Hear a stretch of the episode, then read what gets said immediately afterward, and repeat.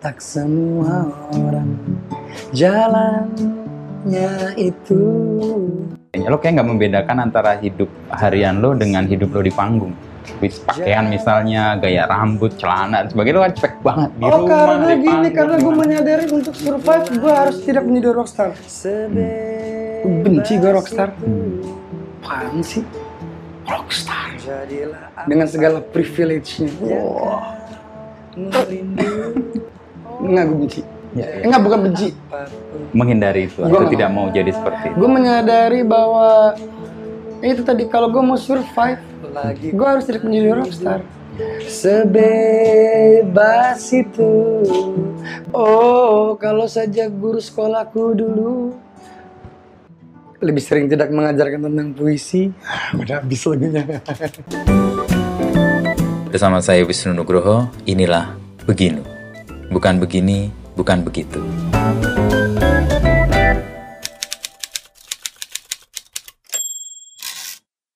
Main itu Iwan Fals manggung kan lama, dua jam, main berapa lagu. gue kan pengennya kita dibilang panggung, wush nonton asik banget kan, ya kan nonton Iwan Fals gratis men, di- di belakang deket banget. Kapan lagi gue pengen main tiga jam deh kalau bisa 4 jam kayak berapa kayak ya kan. Malam itu gue pengen om please dong udah dong mainnya. Please please udah dong mainnya. Gue pengen ketemu lu nih anjing. Gue wah gue gelisah banget men. Akhirnya jadi gue ngomong sama Dado gini oke that's anjing. Ah, fuck. Gini deh. Dado, Dado, ntar abis ini Om Iwan kelar manggung, gue akan datang ke panggung dia, gue akan ngeliat reaksi, gue gua akan ngebaca mimik wajah dia gitu, maksudnya eh, dia tersinggung nggak apa nggak gitu. Itu aja deh. Jadi gue berdoa, aduh Om, udah dong mainnya Om. Lo buru-buru bisa. Padahal orang-orang lagi, woi, the asik, deng, deng, deng, deng, deng, orang lagi gitu gue yang, udah dong, stop, stop, please, please, please, gue pengen ketemu dia nih, gue pengen minta maaf nih, gue pengen bilangin nih, gue nggak pengen dia salah tangkep, men gawat, men gokil, men. Ya akhirnya udah acara kelar, ke belakang panggung lah, ketemu dia, Lo klarifikasi. puji Tuhan, ya dia udah ngerti nggak ada apa-apa Oke. gitu, dia malah dia malah ya dia peluk gue gitu. Akhirnya gue Aduh, ternyata dia nangkep bahwa itu tadi kesalahan kesalahan budaya. Ada apa? Gue nggak tahu gitu. Ya kan gue deg-degan mas. Iya, gila iya, ya kan? Tapi kan lo mendapati orang atau Iwan yang memang nggak judge mental tadi. Baik banget ya Iya. baik baik baik Sementara banget. belum tentu orang di luar sana seperti itu ya. Itu yang tadi lo cemaskan kan, bahwa di luar di sana banyak hakim-hakim yang semaunya mengatai atau menghakimi. Hakim Agung. Ah, Agung Bakar. Jagung buset deh lu Wah, itu Mhm. nah itulah cerita dengan Legend kita satu. itu. dan pertama kali gue ketemu dia pun gue juga eh buset Mhm. betapa naifnya gue mas telepon Dado Mhm. J nah kan dia punya bahasa sendiri gue cerita ini Iya. J lu dicariin Iwan Fals Mhm. ih anjing salah gue apa ya ya kagak maksudnya diajak main bego oh anjing. Lu yang bener. Wah gue deg-degan mas. Mhm. sebenarnya gue nggak mau. Oke. karena gue pasti ntar diasosiasikan gitu. Oke. dan gue nggak mau. Kita jalan beda-beda. ini Iwan Fals apa gitu. Mhm. tapi kan piala kali lu nolak. Iwan Fals ngajak lu main lu goblok kali ya. Mhm. yang mau kali. Akhirnya kan oke. Gokil men. Gue deg-degan abis nih dan betapa naifnya gue mas. Gue pikir diajak latihan kan ke rumah dia. Jadi nanggung gitu. mm. pikiran gue Andre. Kayak gue main ke rumah lu. Jadi manggung sama gue ya oke. Jadi gue main ke rumah Andre nih Mhm. terus kita nongkrong di terasnya Andre. Ambil ngeteh apa ngopi gitu makan gorengan gitaran berdua gitu ya goblok aja gue mikir gitu. Ternyata pas di sampai sana Udah full. buset orang banyak banget. Gue masuk studio yang anjing ini studio segede anjing. Maksud gue bukan segede anjing ini maksudnya dan orang punya kamera, kamera kayak gini nih. Banyak banget. terus di ada direkam lagi. Di YouTube tuh ada tuh. Mhm. gue lagi rekaman gue latihan sama dia lagu Hio Oh, iya. Dan Mas nggak usah ada kamera. Lu ketemu Iwan Fals, Udah. dia main gitar, lu Terus gue lihat ada Pak Sapardi lagi dia baca ini. Eh, Pak Sapardi dia gitu kan. Gue kan ini nih yang dulu abang-abangan gue di tongkrongan yang listrik mainin lagunya ini dia orangnya nih. Gue gue kan deg-degan gitu ya kan.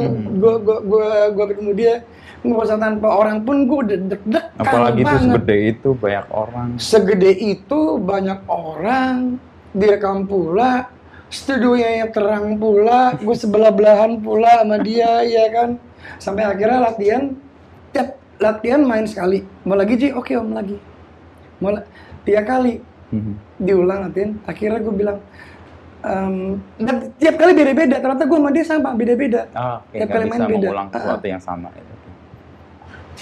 Ehm, om gimana kalau kita langsung main aja ya om ya? Kayak kita kalau latihan Malah malah jelek deh om. Ya udah ya kayak gitu. Dan ternyata memang itu formula yang Pas buat kalian ya. kalau gua rasakan coba bang Iwan ya kalau gua langsung jret itu malah bisa lebih ini. Hmm. sama seperti gua merasakan itu dengan Iksan Scooter Langsung gitu. atau Ari Julian kalau kamu mas tahu ya langsung kalau latihan malah ah lo acting lo main teater lo main gitu loh kalau langsung jret malah Dapet ya. malah ada ada gue ketemu nggak semua orang begitu nggak semua orang gaya begitu Tapi lo sendiri begitu. tapi kalau gue kecenderungan gue begitu gue eh, makanya gue kalau ngerekam itu nggak pernah lebih dari tiga kali Mhm. Pasti be- beda aja terus gitu jadi gue paling rekam itu pasti yang diambil take satu kalau nggak take dua gitu kalau nggak setelah itu kalau udah gue sampai disuruh take empat kali lima kali Udah jadi. udah pasti gue aneh-anehin gue gaya-gayain gue cantik-cantikin gue apa-apain gue nggak ngerti deh kayak gitulah gayanya Dan itu bukan lo. Ya. dan itu ya eh, eh, apa bukan secara alamiah gue Ya. nggak gitu mas Itu yang kelihatan di uh, performance lo sih kayaknya. Lo kayak nggak membedakan antara hidup harian lo dengan hidup lo di panggung. Wis pakaian misalnya, gaya rambut, celana, dan sebagainya lo kan cuek banget di oh rumah. karena di gini panggung, karena gue menyadari untuk survive gue harus tidak menjadi rockstar Hmm. Rockstar tuh membunuh. gini pokoknya filosofi gue gini Hmm. sama teman-teman gue ya Ya, ya. bro bray guys aku yang manggung kalian rockstar ya? Gue yang manggung lu yang rockstar. Gitu aja. Gue benci gue rockstar. Hmm. apaan sih? Rockstar. Dengan segala privilege-nya. Wah. Enggak gue benci. Ya, ya. enggak bukan benci. Menghindari itu Gua atau nggak tidak mau. jadi seperti itu. gue menyadari bahwa itu tadi kalau gue mau survive Mhm. gue harus tidak menjadi rockstar Jadi apa lo yang Makanya- ada ya? gini makanya gue nggak pernah posting foto muka gue di IG Mhm. atau apa gitu atau lifestyle gue atau apa gitu lo tau rockstar gimana lah ya Ya, ya, ya. kelakuannya ya, yang Segala macam. Traditional sense ya, roster yang gua nggak pernah. di dia. itu ya gue lebih seneng di pojokan sembunyi sendiri gitu gue lebih seneng ya kayak misalnya malu kemarin berdua gitu Ya, ya. buat gue itu lebih oh itu itu Dan buat lo survive juga kan? ya itu ya karena gue juga kan gue takut juga mas ketika apa ya karena gue pernah menyadari ada orang foto depan rumah gue Mhm. dikirim DM Mhm. bang Ge, ini rumah lu ya gue ngopi-ngopi ke rumah lu ya aduh ini siapa kan gue juga gue punya privasi mas. Mhm. anak gue istri gue Ya, ya. dan gue nggak mau aja orang apa? Gini. Kadang lu tahu ketika orang tulus atau nggak sama lu? Mhm. ah dia baik sama lu karena lu Ada mau redaktur kompas aja. Iya itu misalnya. Ya ya misalnya ya. Ah orang baik sama lu karena lu Farid Steffi lu keren. Mhm. coba lu gembel. Apa gue gitu. Kan kita bisa menilai ketulusan orang dari situ gitu ya. Ada kadang orang yang dulu nggak pernah nyapa gue sekarang tiba-tiba "Eh, Gege gimana kabar lu? Bikin lagu bareng yuk.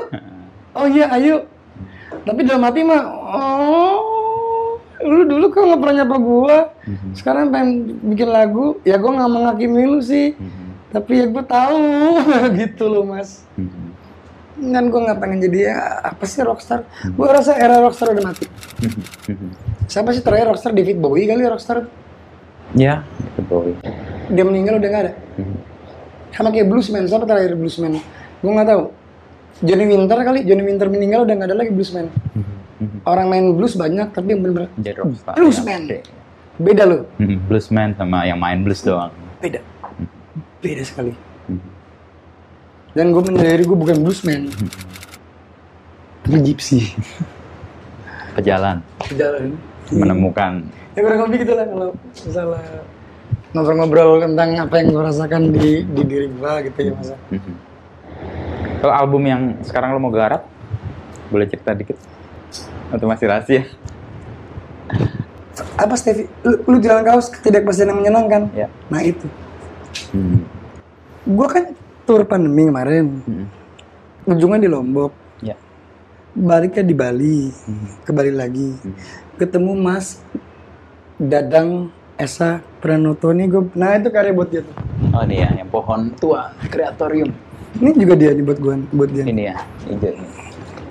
balik saya nongkrong lah minum bir sama Mas Danto sama Mas Dadang di pantai. Ngobrol-ngobrol. Entah gimana kami merasa nyambung. Bikin album. Gue nanya Mas Tanto Mas Tanto gimana kalau bikin album gue Mas Dadang? Masuk waduh. Dia ngomong di pantai kuta Mas Tanto udah kayak bule kuta wanjing minum bir. Masuk benar nih Mas. Mhm. gue telepon istri. Istri saya extend ya. Bikin album. saya bikin album. Dan gue nggak tahu maksud gue gue tur itu kan gue cuman bawa badan doang mas. Mhm. tur kemarin. Gue nggak bawa gitar. Gitar gue pakai gitar Iksan. Oke.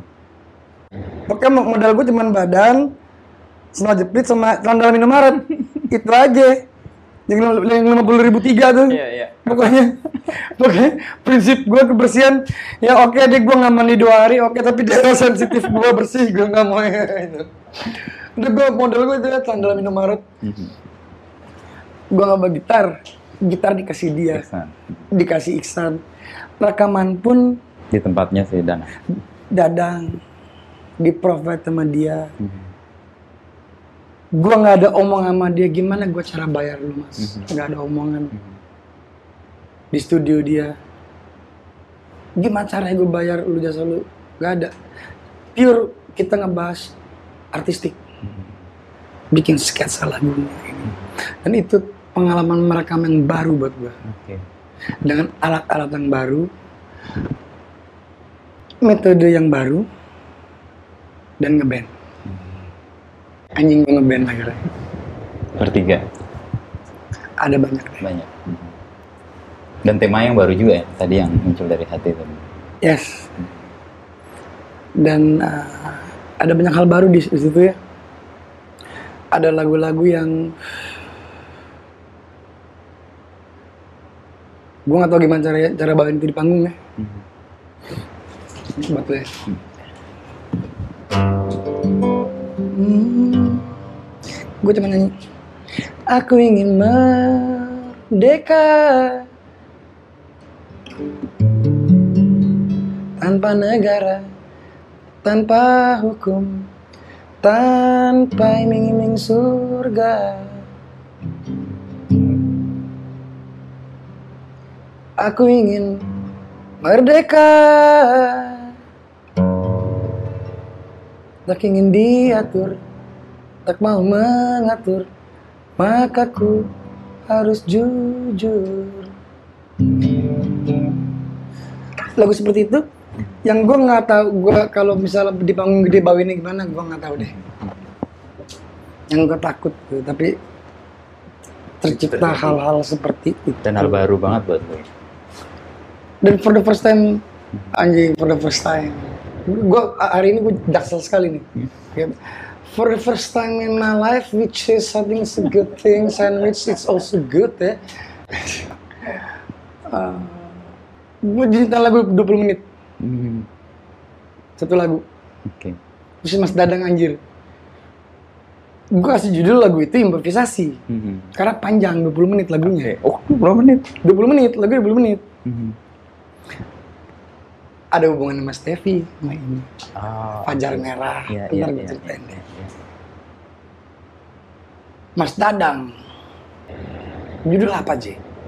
improvisasi karena memang waktu itu ceritanya kan gue rekaman di Canggu Hmm. aduh gue gue nggak tau gue suka banget minum masih mo mohon maaf ya gue suka banget whisky apa bir gitu pagi-pagi gue minum jadi gue nggak tau gue kayak ngeracau di studio 20 menit sampai dia direkam tuh. Oke. di dalam emang gue gua, gua nulis gitu. Hmm. ini judul apa J? Improvisasi mas. Karena gue improv. Dan gue tapi gue bisa ngulang.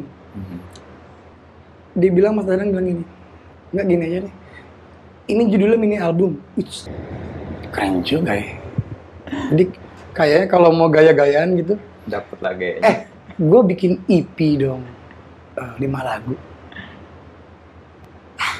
misalnya gaya-gaya ada Hmm. eh gue bikin lagu dong 20 menit EP gue ah, satu gitu ya kalau gaya-gayaan gitu sih Mas Dadang gitu. Iya, iya. anjing mini album oke juga ya mini album fuck 20 menit gitu kayak film pendek gitu ya. Hmm. dan gue bilang hmm, ya itu kan hal yang belum pernah gue lakukan sebelumnya Hmm. sendiri.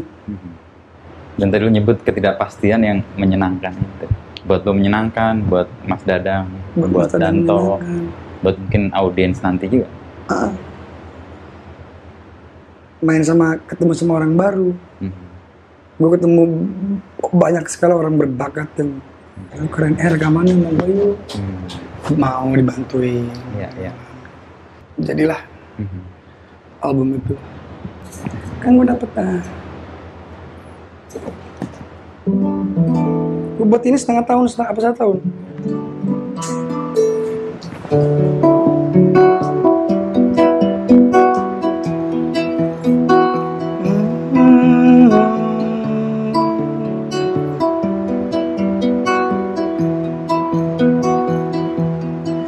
Tak semua orang jalannya itu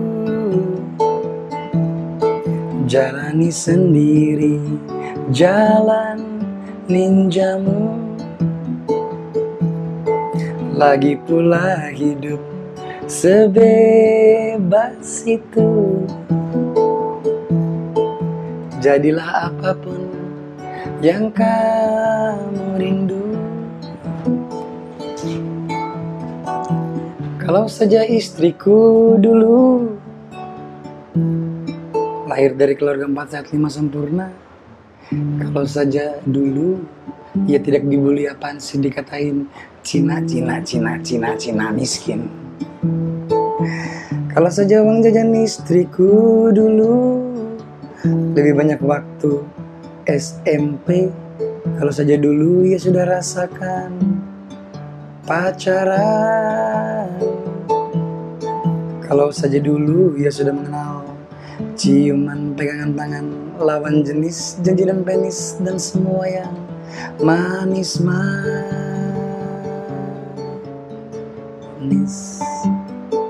Tapi tak semua orang jalannya itu. Jalani sendiri jalan lagi pula hidup sebebas itu. Jadilah apa pun yang kamu rindu. Aku gitu gitu deh. Oh jadilah apa pun yang kamu rindu. Lagi pula hidup sebebas itu. Gue potong akhir aja ya, akhirnya. Oh, kalau saja guru sekolahku dulu lebih sering tidak mengajarkan tentang puisi. Ah, Udah habis lagunya. Gue potong sampai akhirnya gitu. Itu yang bagian 20 menit itu. Nah itu beda lagi. Itu judulnya Jalan Ninja. Kayak karena perjalanan. Dan persis itu representasi apa yang kita obrolin tadi kan. Tadi lo bilang American Dreams, no. Ya, Eh, carilah jalan yang berbeda dan mencerminkan diri lo, Iya, dan, dan, um, keinginan lo. Oh di, di nyebrang dari Bali ke Lombok Mhm, naik kapal kan. mhm, Gue ngeliat laut ngeliat ini. Jadilah lagi. mhm. Apa namanya? Ban- eh, pelabuhan apa mas? Antara Bali. Lambat, lambat. Apa? Nah, pakai lu nyebrang dari lu naik kapal itu tuh dari Bali ke Lombok tuh. Kelam, ya, Kan lumayan lama tuh berapa jam tuh. Hmm. Ke pandemi kan sepi. ya.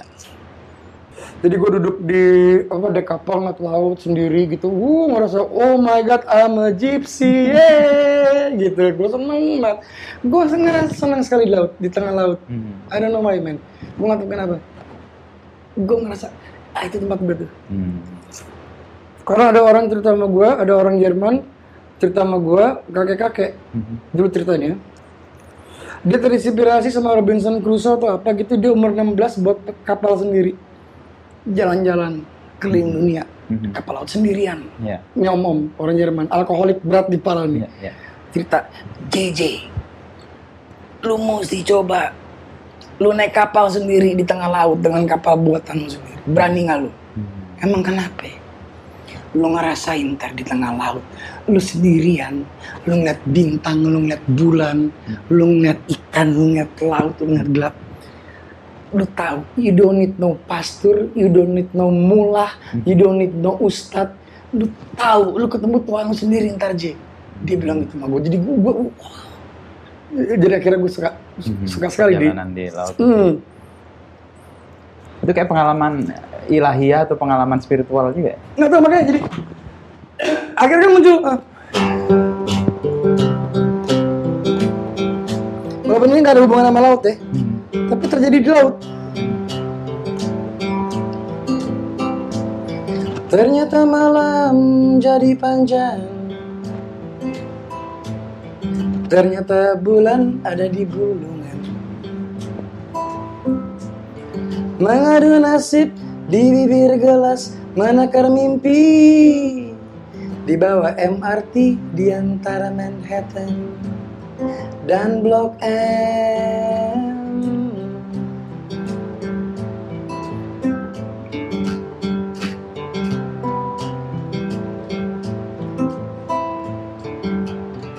Terus gue nyanyi bentar gue lupa. Hmm. Oh, di jalan pulang baru ia sadari. Ternyata sepi teman abadi. Hmm. Perjalanan panjang jauh mencekam. Oh ini di laut tepat. Aku gelantungan di bulu matanya. Yang sehitam dendam sedalam kenangan Sejauh pengertian Rasa ditimbang di antara Manhattan Dan Blok M. Ooh la la la la. Yeah. Wah, Itu Gak tau kenapa ketemu di laut Hmm. Entah kenapa. Mungkin kalau gue gak ke sana gak tercipta lagu itu. Iya. Itu per... Itu kan pengalaman menemukan diri sendiri juga kan? Iya Lo di laut, nggak ada siapa-siapa, dan Pengalaman- punya Pengalaman dialog dengan diri lo itu pasti. Iya. Ya Betul Dan itu bener dialog dengan diri sendiri Mhm. Ngobrol dengan diri sendiri ya Nggak perlu pemuka agama untuk mengetahui bahwa ada tangan-tangan di luar kuasa kita yang bekerja dan melakukan banyak hal. Yes, yes. Tadi di awal kan kita ngomong, lo percaya kebetulan-kebetulan nggak? Lo gue sih nggak. Gue juga enggak Dalam perjalanan akhirnya, ya mungkin sekarang nggak paham atau sekarang nggak tahu, tapi ternyata ada sebuah sistem atau sebuah apa ya kalau gue menyebut kayak semesta ya Synchronicity ya. itu. Bener itu gue gue gue percaya itu. Mhm. Ah kebetulan Mhm. tadi cerita 421 ya Iya ya Farid Faris Tevi. Men gokil. Kan gue udah aja ke sini. Mhm. tempat kakeknya Kebetulan. Iya ketemu Danto, gue janji sama Danto. Danto bilang, Ji, ntar sore Mas Tevi mau ngajak aku nengok ke makam mbahnya. Kamu mau ikut nggak? Oh iya, gue sih ikut. Gue nginep ke di Wonosari, Ya, rumahnya bapaknya Mas Farid. Gue bilang, Mas ini nama tempat salah. Wonosari, kok salah? Woyosari yang benar. Hmm. Pakai itu namanya Woyosari. Ke tempat itu berbekas. Eh, gue ngeliat itulah ya, Mhm. narasi itu, narasi Mas Tevi, Mhm. 65 itu, Mhm. jalan. Terus dia pakai dramaturgi segala lagi si anjir tuh emang. berbunga ya enggak, enggak.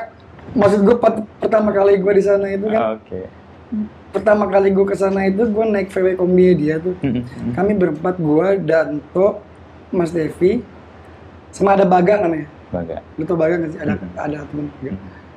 Nah, Baga tidur di belakang nih karena malamnya gue minum sama Mas Devi dari jam 8 sampai subuh. oke Gua- Nah, sama Mas Devi gue juga ngomong mungkin bisa dari jam 7 sampai pagi gitu. Pagi berangkat. Baga tidur di belakang, gue pindah ke depan. Mhm. Jadi ini yang nyetir Stevi, halo sebelahnya gue tengahnya, Ah, ah. sebelah badan.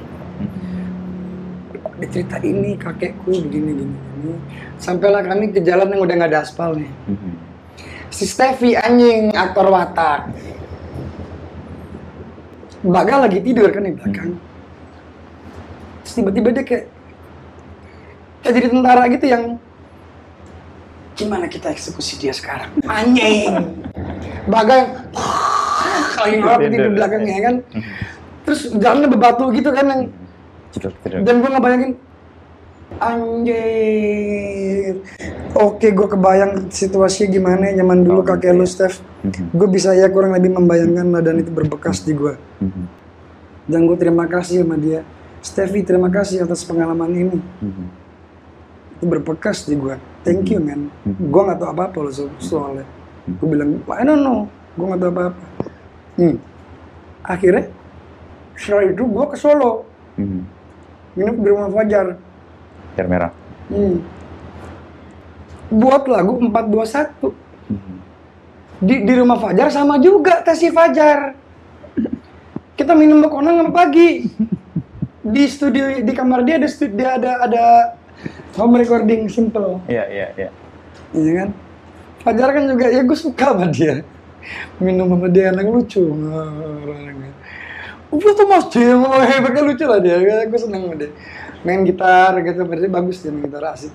Rekam gitu, dia punya dia punya passion lah, dia punya energi bagus untuk musik. Mhm. Mhm. Gue rekam. Tiba-tiba gue dapet itulah 421 itu. Itu menit juga itu buatnya. Tulis. Oh karena gini, ini karena Mas Danto juga mengenai kebebasan Mhm. Mhm. ceritanya. Jadi gini, ini kapal mas. Mhm. Kalau orang tuh diginin, oke, semua senara kena. ya Terus gue berpikir, anjing kok gue otoriter ya sama senar gitar gue? Anjing, gue balikin gini, oke gue kasih kebebasan satu senar deh, supaya nggak kejepit supaya gue nggak otoriter banget.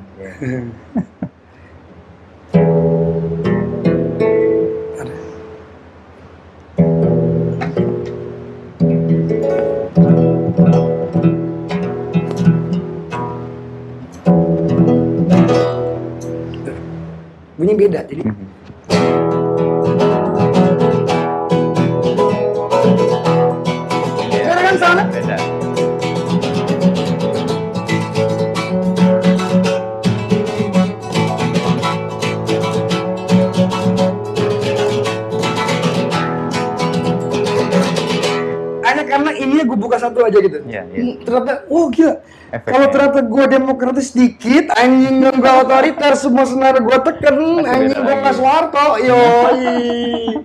gue buka sedikit, silakan satu senar berekspresi bebas. Nggak ada departemen penerangan Babe Harmoko gitu ya. Ternyata ada tercipta. Yang lain. cepat gitu. Judulnya 421 Apa itu Pak Dur? Oke. empat mata. Empat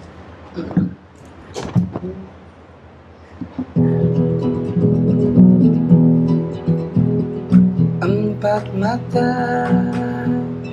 dua hati. Satu mimpi. Tidak pasti menyenangkan.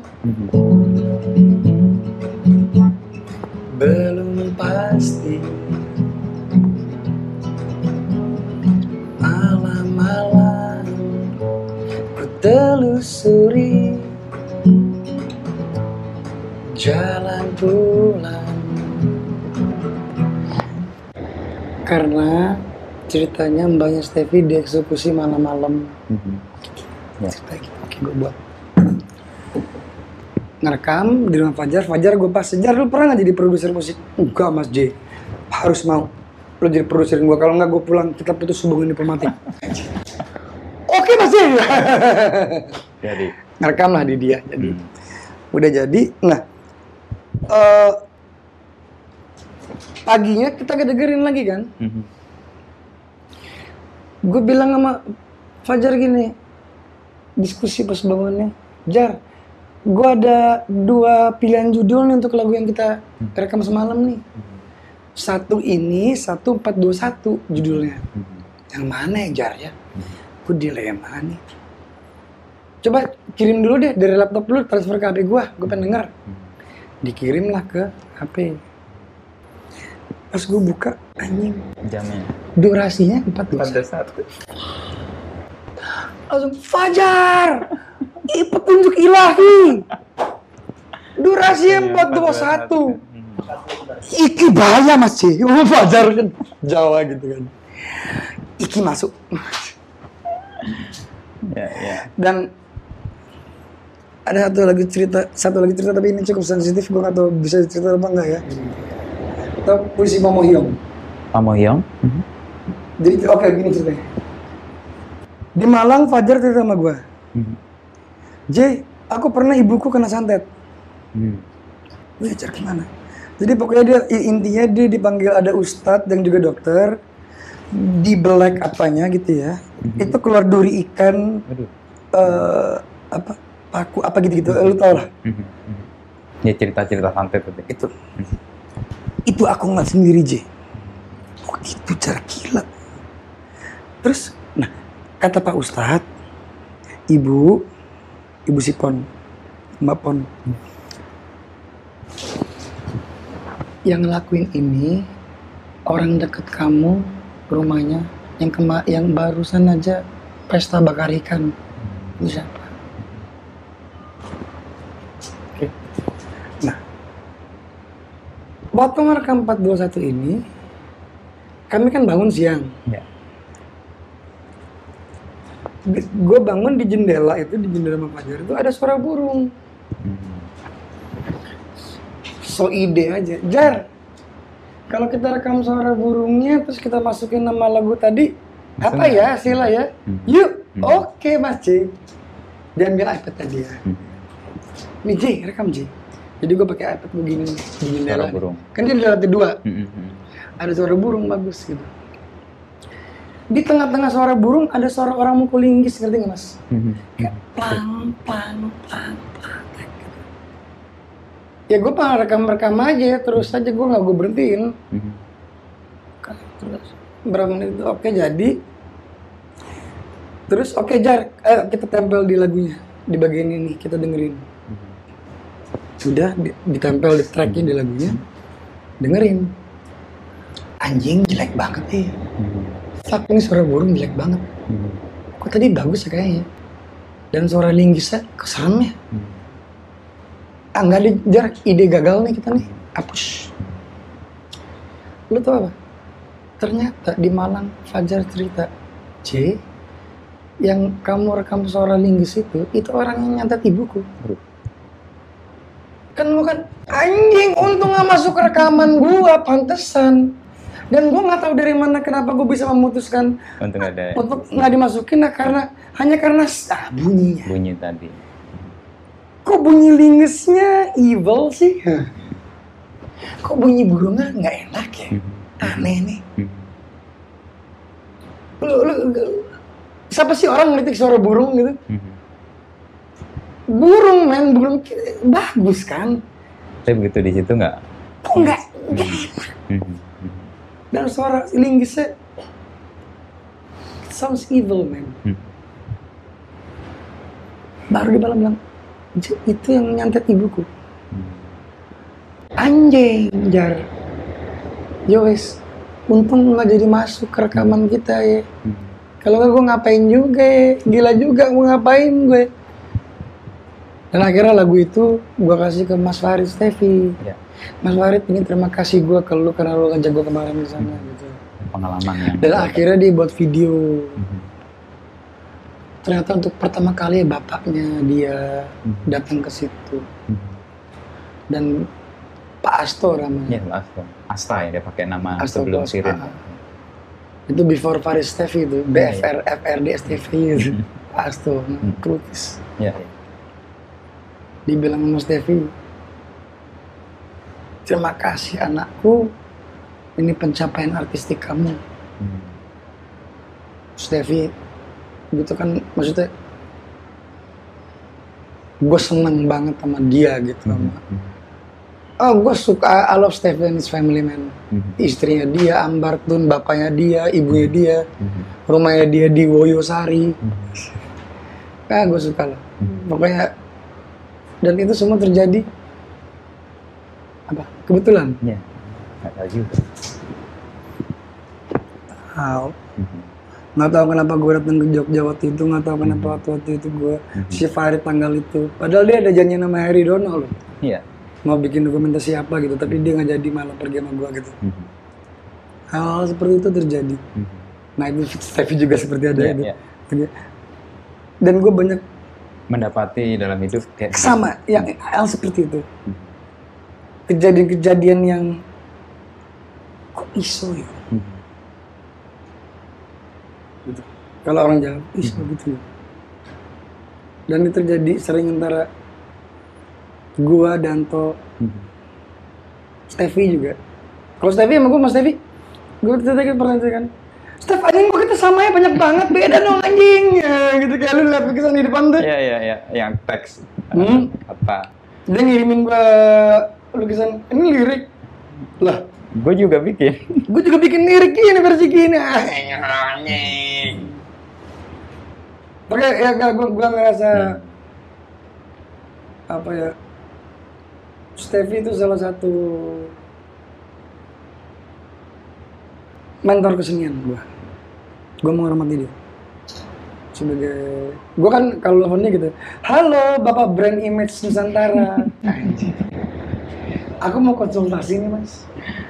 Iya gimana Jay mas besok gue gue pengen diwawancara Deddy Corbuzier. Gimana ambil nggak ya? Wah! Dan gue sama dia liat video call. Oh gitu. Gimana mas? Efek, efeknya buat karir lu anjing. Terus dia dengan Jogja style setengah jam neranginnya Gini Ci, wah anjing Terus besoknya anjing. Gua nggak tahu itu si Dedi cepet banget tuh tim kerja. Turunlah judul itu dengan podcast pertama judulnya eh, Deddy Corbuzier itu Jason Randi Onani Masal. Anjing kan? Ya Allah Tuhan gue emang gue ngomong apa lagi sini gue kenapa diginin banget sama orang? Gue screenshot gue bagi ke Steffi gue kirim. Hmm. Steffi brand bapak brand image Jogja lu tanggung jawab anjing. Gue dibilang orang masal terus muka gue kayak gendut gitu. Karena gue minum obat radang. Hmm. Kayak sakit tenggorokan itu. Ah, ah. dan itu efeknya moon face katanya. Jadi Hmm. gue jadi gini karena obat itu yang gue minum nih. Suara gue nggak ini. Eh, dia wah wah wah, dia lu Steph lu anjing tanggung jawab lu Steph. Fuck you man. Fuck you man. Gue itu saya bilang apa mentor mentor satu yang gue anggap. Mhm. Gue, gue dengar pendapat gue sering tanya pendapat dia mhm. tentang kesenian.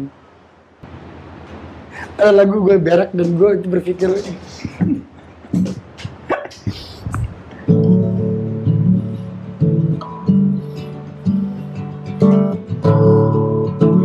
satu bagian aja ya. ya. orang makan ikan lalu berak di sungai. Berak di sungai, lalu kembali dimakan ikan. Ikan di sungai, lalu kembali dimakan orang. Ye. Begitulah siklus kehidupan di kota Lamongan.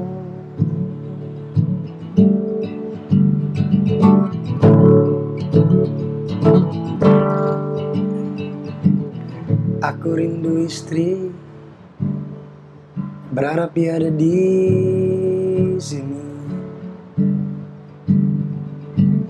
Akan tetapi begitu saja walaupun ia terlalu modern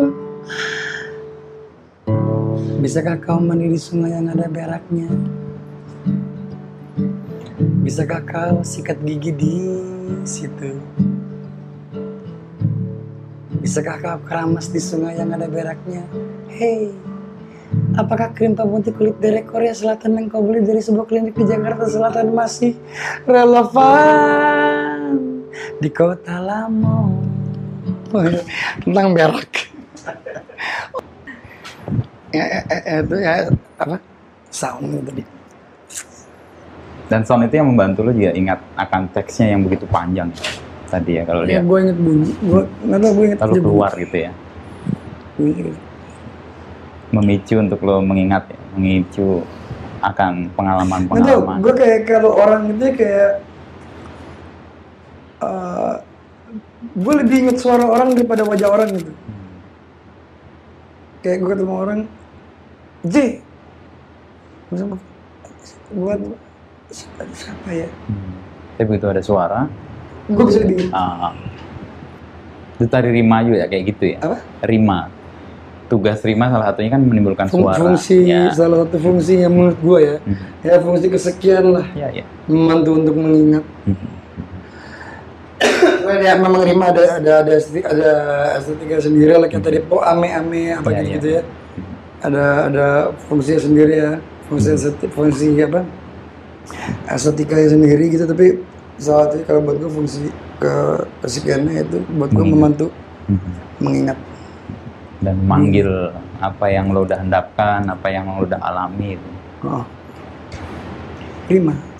Kembali ke tadi kan maknanya mungkin nggak ketemu tuh, tapi soundnya membawa imajinasi orang ke hal-hal yang di luar perkiraan atau imajinasi kita ya. Ya. ya orang sibuk dengan pencarian makna hidup Mhm. tapi kita nggak tahu ternyata kalau mati udah mati aja gitu ternyata oh oh Ya, nggak tahu juga tapi itulah gue nggak mau dibebani oleh makna lah Ya, ya. Thank you, J. Gila, gue ngobrolnya asik banget. sama-sama Mas Wisnu Gue menyimak sambil me, tadi fermentasi tadi. Gue internalisasikan. Gue mungkin nggak paham sekarang ya, Hmm. tapi mungkin dalam perjalanan akan gue lihat, oh iya ya. Gitu. Karena kan ke- keterbatasan kita mencerap kan sering kali akan dibantu ketika waktu berjalan. Hmm. Betul, Dan banyak karya kan juga kayak gitu. ya ya itu eh, hal-hal yang terjadi setelah kita mengambil jarak dengan kejadian itu Hmm. gitu ada apa ya ada jarak estetika atau apa pun lah itu namanya Yang membuat kita juga lebih jernih lihat atau punya ruang untuk memaknai kalau mau cari makna meskipun ada Ah. makna apa pun lah. atau punya sudut pandang lain Mhm. dalam melihat sesuatu gitu. Gitu. Dan jalan yang berbeda, jalan ninjam. Lagi pula hidup sebebas itu, Yes. jadilah apa pun Jalan. yang Wisnu rindu. Mas Wisnu pengen jadi pastor, lu bilang, ah lu pasti nggak tahan dan naikin, lu pasti lu keluar, lu Udah mau close, close, close, close.